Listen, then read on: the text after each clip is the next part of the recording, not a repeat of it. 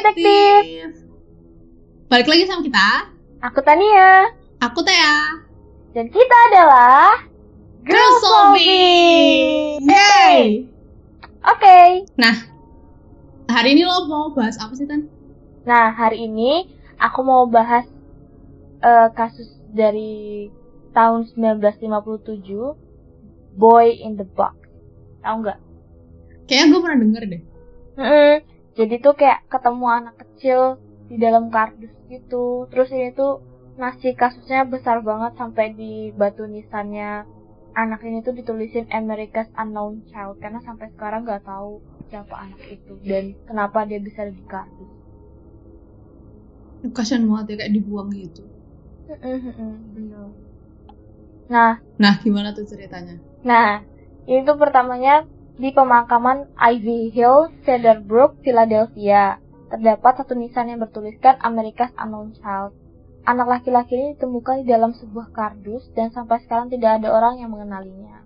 60 tahun sejak adanya kasus ini, pihak kepolisian masih belum mendapatkan jawaban. Dari awal mula kasus, pada tahun 1957, pemburu muda sedang mengecek perangkapnya di taman sebelah utara Philadelphia. Kemudian, di dekat semak-semak, ia menemukan sebuah kardus. Saat dilihat, ia menemukan seorang mayat anak laki-laki yang dibungkus selimut. Takut polisi akan menyita perangkapnya, jika ia memberitahu, maka pemburu ini membiarkan kardus itu dan melanjutkan aktivitasnya. Dia kayak, oh, aku nemuin mayat. Tapi perangkapku gimana? Ya, oke, bye. Kasian banget. Ya ampun, tega ya, tega nih orang. Tega banget kan Terus beberapa hari kemudian Seorang mahasiswa yang mengemudi Di jalan melihat kok Seorang seekor kelinci berlari di sepanjang jalan raya Murid itu tahu ada jebakan di daerah itu Dan berhenti untuk memastikan hewan itu aman Saat dia menyaring melalui semak-semak Untuk mencari jebakan Dia menemukan kotak itu Meskipun dia terlalu takut untuk berinteraksi dengan polisi, siswa tersebut melaporkan mayat tersebut kepada mereka. Nah, pertanyaannya Hmm. kan, siapa anak yang di kotak itu, yang di kotak kardus itu siapa? Nah, anak itu Mm-mm. diidentifikasi berumur 3-7 tahun. Polisi mengira akan mudah mendapatkan informasi terkait siapa anak ini. Ternyata cukup sulit karena anak ini ditemukan dalam keadaan kurus, kotor, dan kurang gizi. Sehingga polisi menganggap kecil kemungkinan ada yang mencarinya. Saat ditemukan, rambutnya kusut seperti baru saja dipotong karena gumpalan rambut masih menempel di tubuhnya. Tubuhnya kekurangan gizi parah dan ditutupi dengan bekas luka operasi, terutama di pergelangan kaki, selangkangan, dan dagu. Terlepas dari kenyataan bahwa dia tanpa ditinggalkan ditinggalkan, polisi mengambil sidik jarinya berharap menemukan kecocokan. Sayangnya tidak ada yang cocok. Di dalam kotak itu juga ditemukan sebuah topi yang berlabel Eagle Hat and Cap Company, sebuah perusahaan kecil di selatan Philadelphia yang dimiliki oleh Hannah Robin. Hannah mengaku mengingat orang yang membeli topi itu karena topi tersebut telah dikustomize sendiri olehnya. Pembeli ini dideskripsikan sebagai seorang pria, berambut pirang, berumur sekitar 26-30 tahun. Pembeli ini meminta tambahan pengikat di topinya dan setelah itu pembeli ini membayar dengan cash dan Hana tidak pernah melihatnya kembali. Beberapa tahun selanjutnya, ada sekitar 400 ribu flyer disebarkan di sekitar Philadelphia.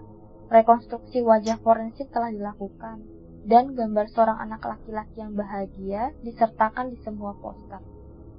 Selebaran dipasang di kantor polisi, kantor pos, dan bahkan dimasukkan ke dalam amplop dengan tagihan bensin, tetapi tetap saja tidak ada yang memberikan informasi. TKP sendiri digeledah beberapa, beberapa kali, tetapi selain beberapa item pakaian anak-anak, semuanya tidak mengarah ke mana pun. Tidak ada petunjuk hingga hari ini. Identitas bocah itu tetap menjadi misteri seperti pada tahun 1957. Gitu. Oh, kasian banget sih. Maksudnya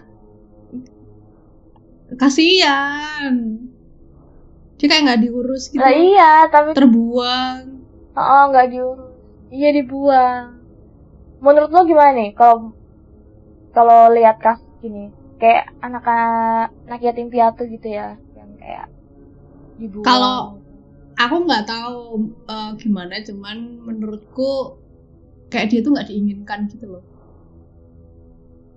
Ah, Ya nggak sih? iya, iya. kan karena dia sampai sampai kurus sampai kotor sampai nggak diurusin kalau anak panti asuhan gue kira dia masih masih apa oke lah maksudnya masih bersih masih gizinya terpenuhi gitu sih menurutku anak yatim piatu maksudnya kayak dia ada Oh. tua gitu jadi dia Hmm. mungkin di dalam kardus gitu oh bisa kayak jadi meninggal sendiri nggak gitu bisa jadi sih Hmm, tapi ada tiga teori nih. Teori pertama adalah berasal dari Lou Romano dan Jim Hoffman, autor di, Philade- di Philadelphia mendapatkan informasi bahwa seseorang pernah menyewa rumahnya pada laki-laki yang pernah menjual anaknya. Yang dimungkinkan adalah anak dalam kota itu. Pihak forensik akhirnya menyamakan ayah dan saudara potensial anak ini dan ada kesamaan yang didapatkan seperti bentuk wajah, telinga, dan hidungnya. Sampel DNA telah diambil dari seseorang yang diduga saudara anak kecil ini. Tetapi, investigator, investigator tidak menyatakan mereka akan mengetes DNA tersebut dan hanya mengatakan akan diinvestigasi lebih lanjut. Jadi, kenapa kok gitu sih Ya kan, aneh kan polisinya kenapa coba? Padahal udah kayak, ini loh kita ketemu orang yang mirip sama anak ini. DNA-nya ada nih. Eh, tes nggak? Nanti aja lah ya. tapi kalau misalnya si siapa sih namanya emang bener itu anaknya bisa jadi si polisnya juga dibayar gitu loh Bisa, ya tapi nggak sih emang ini orang ini orang kaya pun. Maksudnya kayak, kayaknya dia kayak bukan siapa-siapa gitu. Ap- Tapi emang gampang apa ya? Nggak, nggak bayar polisi, hmm. nggak bayar investigator. Eh, tutup kasus kong kali kong dan kayak lucunya tuh dia kan nyewain rumah nih Mm-mm. terus habis itu masa tiba-tiba orang yang nyewa rumah dia ngomong eh aku kemarin abis Ya. jual anak dulu ya aneh sih ya. Iya? Masa- Iya. kan yang kan ini ini diketahui dari orang yang nyewa rumahnya ke seseorang ini nah seseorang ini bilang ke dia kalau dia tuh habis jual anaknya kayak rumah ini disewa harga sewa berapa ya pak segini oh ya udah bisa bisa kemarin saya habis jual anak. Apa itu buat trading ya? Eh itu cowok cewek. Oh cowok kan? Cowok uh-uh. hmm. nah sebenarnya tuh ada teori lagi kalau bisa dibilang anak cowok yang di dalam kardus nih bisa aja cewek karena rambutnya dipotong. Jadi mungkin dari, dari rambutnya panjang kan dipotong jadiin cowok gitu Nah, ada bekas operasi di bagian selangkangan juga kan ah maksudnya operasi tapi aku tidak tahu kenapa maksudnya di, mengubah mengubah gender dia gitu. Jadi kayak, oke ini anak cewek, tapi biar polisi bingung, kita ubah jadi cowok kayak gitu. oh tapi emang waktu zaman segitu udah bisa gitu operasi Nggak Yang tahu, tapi makanya meninggal kan? Kan emang disiksa terus dibuat kayak cowok gitu. Ada teori bilang itu soalnya rambutnya dipotong sama ada banyak bekas. itu jangan-jangan bekas operasi karena dia jual Nah itu bisa tuh jualin organ ya, terus dibuang kan banyak kan yang kayak trafficking gitu. Oke, Iya. lanjut teori kedua. ya Pada tahun 1960, seorang karyawan dari kantor pemeriksa medis memberi, diberitahu oleh seorang paranormal bahwa anak laki-laki di dalam kotak itu berasal dari panti asuhan setempat. Polisi menanyakan tentang anak laki-laki di panti asuhan dan menemukan selimut yang mirip dengan selimut yang dibungkusnya tergantung di tali jemuran, serta keranjang bayi yang dijual di kotak yang sama dengan tempat anak itu ditemukan. Karyawan tersebut berteori bahwa anak laki-laki tersebut lahir dari anak perempuan yang mengelola rumah asuh tersebut dan kematiannya tidak disengaja. Terlepas dari desakan karyawan atas fakta-fakta ini, tidak ada hubungan yang pernah ada antara anak laki-laki dalam kotak dengan panti asuhan. Tidak sampai lebih dari 40 tahun kemudian, teori mengejutkan lainnya muncul. Jadi kayak eh, teori ini mengatakan bahwa dia anak dari yang punya panti asuhan teh. Jadi dia nggak yatim piatu tapi dia emang tinggal di panti asuhan. Mungkin ada kejadian apa meninggal kayak tapi kalau misalnya nggak sengaja kenapa mayatnya dibuang ya kenapa nggak dikubur baik-baik? Sih um, ya mungkin saking banyaknya anak dia ngurusin di panti asuhan juga terus kayak ya udahlah anakku ya udahlah buang aja lah. Nanti bisa lagi. Masa kayak gitu? Ah masih banyak. Buang aja. Tapi tuh atau dia tapi tuh kok nggak ada hubungan yang pernah ada antara si anak-anak eh anak-anak eh salah anak laki-laki di dalam kotak sama an- panti pas Hmm. asuhannya pasti ada lah orang selimutnya terus tempatnya sama kok Iya, nah tapi nggak ada informasi kalau misalnya eh, yang punya panti asuhan ini pernah punya anak laki-laki gitu loh, pernah ngelahirin anak laki-laki. Cuman ada persamaan dari selimut sama kardusnya, jadi ada keranjangnya, kardusnya nggak ada gitu, kayak gitu. Cuman nggak bener-bener ada bukti bahwa eh aku per dia pernah punya anak laki-laki umur segini persis sama waktu ada anak laki-laki ditemukan meninggal kayak gitu nggak ada. hmm. tapi banyak mungkin apa sih. mungkin tapi apa mungkin kayak dia beli keranjang bayi nih ya eh kardusnya gede kan tuh mau dibuang tapi terus ada anaknya iseng kan dia suka main-main ikut kebuang oke. Mas dihitung kok kayak ada yang hilang ya? Kok kayak tadinya ganjil kok jadi genap ya? Apa ya nih? Ikut kebuang sama kardusnya. Kasihan. Dia kayak Squidward. Dia kayak Squidward tuh loh yang main kardus sama Spongebob. oh iya. Harusnya ada kerang ajaibnya lah. Oke. Anjir. Sekarang ajaib, apakah anak ini benar hilang terbuang dengan kotak? Iya. Iya. iya iya oke ya. Oke. Teori ketiga. hmm. Nah, ini dari paling mengejutkan nih sebenarnya. Jadi ada seorang wanita yang hanya disebut, hanya mau disebut sebagai M maju mengeklaim bahwa anak laki-laki itu telah dibeli oleh ibunya yang suka menganiaya dan dianiaya selama beberapa tahun di rumahnya. M menyatakan bahwa setelah anak laki-laki itu memuntahkan makan malamnya yakni kacang panggang, kemudian ibunya membenturkan kepalanya ke dinding sebagai hukuman. Kemudian dia mencoba untuk memandikannya di mana bocah itu telah meninggal. Polisi awalnya mengikuti petunjuk ini karena ada sisa kacang panggang di perut bocah itu dan jarinya tampak seperti air keriput. Itu adalah informasi yang tidak pernah dibagikan kepada publik. Mereka juga didorong oleh deskripsi M tentang anak laki-laki tersebut sebagai anak kecil berambut panjang. Sesuai dengan teori bahwa rambutnya baru saja dipotong serta kesaksian lama dari seorang pria yang mengaku pernah melihat bocah lelaki itu ditempatkan di dalam kotak dekat hutan. Sayangnya, polisi akhirnya membiarkan teori tersebut meluncur karena tidak dapat memverifikasi klaim M. Setelah melihat latar belakang M, mereka menemukan riwayat penyakit mental yang parah. Ketika mereka mencoba untuk mengeklaim menguatkan klaimnya dengan tetangga dan teman, semuanya menyangkal pernah melihat seorang anak di rumah teori itu akhirnya dianggap konyol. Gitu. jangan-jangan si M itu ibunya Iya, karena mental ya, mungkin dia kayak eh, punya kepribadian yang banyak gitu kan. Kadang jadi baik, kadang jadi jahat. iya Bisa aja. tapi itu kan udah lebih dari 40 tahun yang lalu jadi kayak udah eh 40 tahun kemudian kan teorinya itu muncul jadi kayak Eh, bisa aja sih. Terus kayak tapi kayak tetangganya sama temannya, oh mungkin kayak anak kita emang dibeli buat dianiaya ya, makanya kayak nggak dikasih lihat ke tetangga sama teman kayak ini dikurung gitu terus kalian.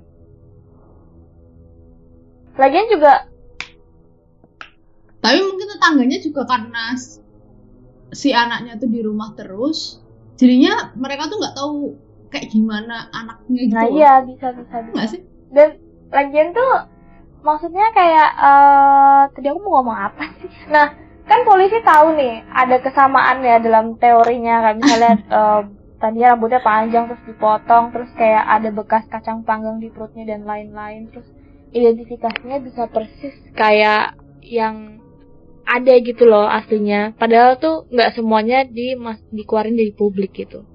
Terus tiba-tiba kayak polisi oh semua itu bener. Iya tapi si M ini dia gila. Oh dia gila. Oke ini konyol. Kayak itu tuh udah beneran ada gitu loh. Udah ada contohnya semuanya. Kenapa masih kayak nggak dipercaya? Siapa tahu aja bener gitu loh. Kesamaannya banyak soalnya. Ya nggak sih? Oh lah iya emang. Memang juga gitu iya kan kayak apa sih? Nggak jelas semuanya siapa tahu dia bang sadar mungkin dia uh, mentalnya keganggu karena dia bareng sama ibunya. Jadi setiap hari dia ngeliat dia nia orang lain dia niaya mungkin dari situ dia terganggu mentalnya. Ya bisa jadi. Tapi mungkin sih karena gimana ya? Sebenarnya mungkin dia mau ngaku tapi dia takut apa gimana gitu. Takut dihukum. Tapi kan lagian si anaknya ini udah nggak ada juga ya maksudnya gimana ya tan? Kayak susah carinya keadilannya susah dibuktikan gitu loh. Karena bukti-buktinya juga anaknya udah pasti udah dikubur juga kan dia nggak mungkin enggak eh tapi lo sadar gak sih teori satu sama teori tiga bisa digabung? Lah orang gue mikirnya teori satu dua tiga bisa digabung semua lah gimana aja coba kalau yang gimana bang kalau bisa jadi si wanita ini dia itu tuh ngam, ngambil eh nyuri si topi topinya bapaknya yang teori satu. Terus topi. Di, iya, topi yang itu kan yang Oh. di apa? Apa sih itu namanya? Iya topi yang ditemuin itu kan. Ah, ah. Terus bisa jadi karena dia nyuri itu, dia nyuri juga selimut sama keranjang di panti asuhan itu. Dia jual. Iya. ya mungkin karena dia gila, dia tuh kayak pengen anak. Tapi Teori pertama tuh yang jual anak tau teh. Tapi kan eh, karena oh Yang oh gue kira teori pertama tuh yang ada topi yang topi bapak-bapak. Bukan itu itu penjelasan. Oh Jadi ada ketemu topi dalam kardus. oh yang ini yang jual anaknya. Iya teori pertama tuh yang dari Jim Hoffman itu yang ada bapak-bapak jual anaknya buat nyewa rumah. Tapi tapi teori pertama ke teori kedua sama teori ketiga ke teori kedua tuh bisa nyambung Kayak- semua. Eh, biar aku mau jual anak nih tapi biar nggak ketahui oh dia mau dia jual anak ada transaksi dibeli sama ibu gila ini terus ibu gila ini nggak sengaja ngebunuh anaknya. Nggak ding itu sengaja deh dibentur nih sengaja di apa sengaja ngebunuh dimandiin dipotong rambutnya biar nggak bisa diidentifikasi. Terus habis itu nyolong tali jemuran panti asuhan gitu. Iya bisa jadi kan. bisa sih. Maksudnya sama-sama di Philadelphia semua sih. Iya terus uh, sebenarnya mungkin panti asuhannya nggak memang nggak ada hubungannya mungkin tapi uh, salah satu dari bapak itu atau ibu itu tuh men- mencuri gitu loh nyolong nyolong si apa selimut sama keranjangnya soalnya mirip sama kan Dan sebenarnya kan apa kardus eh, keranjang bayi ini sebenarnya tuh cuman ada dijual 29 bar 29 doang. Jadi kayak cuma 29 keranjang bayi yang mirip itu. Jadi kayak nggak banyak gitu loh. Kayak limited edition gitu loh. Terus 29. Iya, terus habis itu kan di eh, dilacak kan sama polisi kan, siapa aja yang punya. Nah, 29 orang ini tuh semua bayar pakai cash dan eh beberapa tuh udah ngomong ke polisi kalau mereka masih punya kotaknya dan juga yang kotaknya tuh dibuang di eh, daur ulang tuh juga dikasih tahu terus eh, sisanya tuh kayak masih belum ada jawaban gitu ya mungkin tetangganya punya kali Iya bisa. Kayak- dia mau daur ulang Hmm. terus diambil lagi sama si ibu ini. Kayak jadi dia nggak tahu apa apa gitu. Bisa aja. Iya mungkin.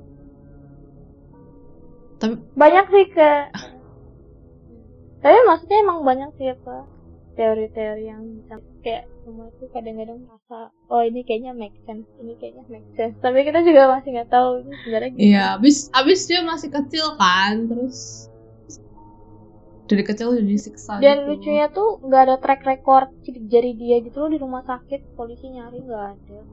Jadi kayak kan kalau ah, lahiran kan biasanya anak bayi kan sidik jarinya di record kan di rumah sakit. Nggak ada. Apa jangan dia itu ya apa emang kita di, Lahir di rumah. anu ya sidik jarinya kita di Mm, kan ada tapak daftarin gitu. Iya masih kecil tuh. Oh aku nggak tahu ya kalau di Indo kayak tapi tuh di luar di Amerika aku juga lihat itu tuh emang kalau misalnya baru lahir kayak ada recordnya gitu. Kamu pernah lahir di sini gitu ada track recordnya. Jadi eh dicapin gitu Hmm. aslinya aku udah tahu gue kira jempol Bukan makanya gue jempol. terus ngeliatin jempol gue gue bingung. Eh, emang iya ya gue di ya kecil kecil kecil kecil banget lucu banget kamu soalnya setahu aku kalau di, di Indo nggak mungkin ya. Kayak cuma akte doang. Tapi lucu sih kalau misalnya ada sidik jari kakinya kakinya kan kecil ya lucu. Mungkin itu sih tan emang anak anak terlarang atau Nah, anak, anak yang tidak diakui gitu kayaknya. Iya. iya. Kasihan tapi ya. Ya hidupnya cuma sebentar. Cuma buat dijual beli buat gitu. bahkan kayak kalau dalam kardus terus dibuang gitu ke hutan ditemuin sama orang orangnya nggak mau. Dia kayak orang yang pertama tuh lebih mikirin perangkapnya dia gitu loh dibandingkan ada bener-bener mayat iya kasihan anjir maksudnya. Jadi, aduh tapi tapi kok apa namanya eh, perangkapnya tuh perangkap apa sih? Perangkap kelinci itu? Iya kayak perangkap buat kelinci gitu loh. Mungkin ilegal gitu kan nggak boleh harusnya berburu di situ. Cuman dia berburu gitu kali. Heeh. nggak penting banget cuman kelinci doang. Ya mungkin itu eh, kerjaannya teh di mana dia mendapatkan uang iya dari mungkin ya situ berburu. Heeh. dibuat sate dia buat sate. Aku suka kasihan ya kalau sate kelinci tapi aku makan juga. Aku nggak pernah makan loh ya ampun. Jahat banget lo makan kelinci. Nah iya kan gue jahat banget kan. Apalagi dulu pas masih SD gue punya kelinci juga. Jadi waktu ke Kaliurang gue makan sate kelinci. Pulang gue liat kelinci gue kayak maaf ya aku makan saudara kamu. Tapi aku juga punya kelinci kok. Dulu cuman kabur dianya kasihan. Kayak gue yang nggak bisa ya kok dia kabur sih Eh, aku kelinci lo. Kayaknya aku lupa nutup nutup kandang. Jadi dia kayak anu tuh loh. Berusaha keluar. Padahal nutup. Dia ingin membebaskan diri. Iya jadi ya udahlah. Terus nggak ketemu eh. Hah? tapi nggak ketemu kelincinya. Kabur. Hmm. Itu udah ditangkap orang kali dijadiin sate. iya gue kira sih gitu Ya gitu deh eh kasusnya nah jadinya. terus menurut lo eh, eh, oke teori yang mana Menurut gua mungkin teori satu dan dua bisa misalnya bapak ini ngejual anaknya. Terus habis itu anaknya dibeli sama psikopat nih. Terus habis itu disiksa, terus habis itu dibuang. Kalau gue lebih oke yang teori tiga sama dua ini sih Berarti eh, ibunya tuh nyolong kotak terus selimut. Terus habis itu dibuat kayak Heeh. dia dari ah, I see, I see. Bisa, bisa. Tapi kasihan ya anaknya Hmm. sampai dia udah dikubur juga nisannya masih ditulisin unknown child gitu kayak nggak tanpa nama dia dikubur sedih banget. Iya iya. Sedih Hmm. banget. Maksudnya dia kayak nggak ada nggak punya nama gitu loh. Sebenarnya 19 negara orang-orang dari negara-negara lain tuh udah ngecekin dia tahu kan eh, jenazahnya sempat disimpan di tempat jenazah tuh loh. Jadi kan eh, investigator tuh kayak ngasih flyer terus kayak mayatnya disimpan dulu, jangan dikubur dulu biar orang-orang tuh bisa identifikasi itu eh, kerabat dia bukan kayak dari negara-negara lain tuh udah sampai terbang ke Philadelphia gitu loh, tapi sampai sekarang masih belum tahu tuh anak siapa gitu. Hmm. Ya, ya itu kan karena susah juga karena dia nggak ada nggak terdaftar juga gitu loh kalau mungkin kalau terdaftar malah ketahuan Mm-mm. Nah itu mungkin juga orang-orang yang kerabat-kerabat dia tuh kayak apa ya? Ya mungkin aja bapaknya emang ngejual dia jadi kayak kalau misalnya dia meninggal ya udah bodo amat gitu. Kok bisa sih ada orang tua kayak gitu anjir? iya kasihan kasihan Parah banget. nah menurut teman-teman podcast yang denger ini nih kira-kira teori yang yang mana yang kalian yang kalian apa ya kalian percaya kalau itu tuh kayaknya karena penyebab si anak itu dibuang atau si anak itu jadinya dikardus gitu ya nggak sih tan Yoi. Mungkin ada teori Yoi lain. doang.